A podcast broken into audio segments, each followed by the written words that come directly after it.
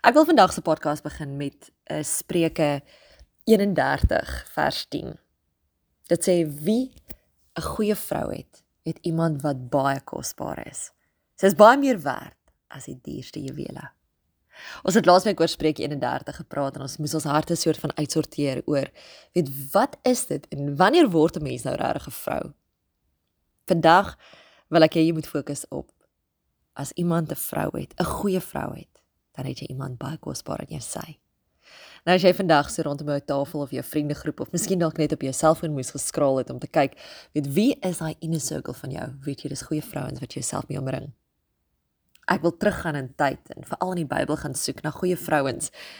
En my oë val dadelik op 'n vrou met die naam Eva. Sy was natuurlik die eerste vrou wat God se liefde ervaar het en wat hom leer ken het. Dink daaraan. Sy was die eerste om 'n vroulike stempel op aarde af te druk. Sy was die eerste om 'n man lief te hê. Eva was die eerste om kennis te maak met die vyand en sy bose magte. Oei. Sy was ook die eerste om 'n slegte keuse te maak. En dan in die gevolge van ongehoorsaamheid te moet leef.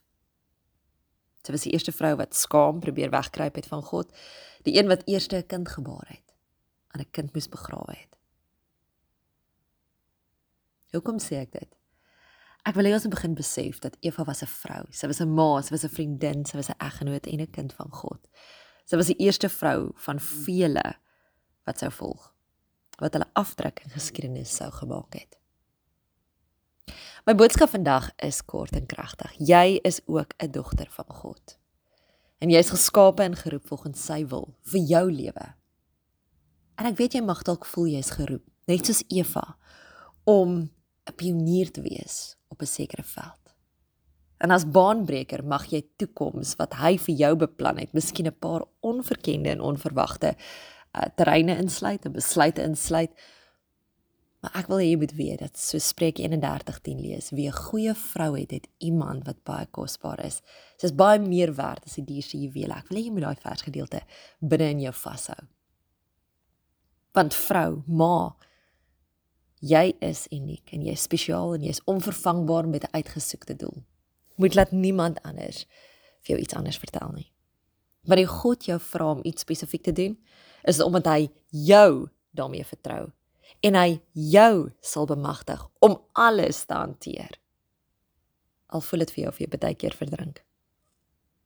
Weet net dat een van jou mentor of 'n raadgewer Sy het nooit 'n ma vir 'n ander vrou vriendin gehad om haar te help nie.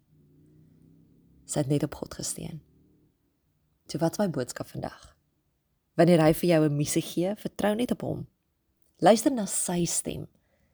Ja, dit is goed om vriende en vroue rondom jou te hê, maar luister na sy stem. Want hy gaan daar wees elke tree van die pad. Agter die skerms. In jou hart, in jou gees, jou siel en jou liggaam.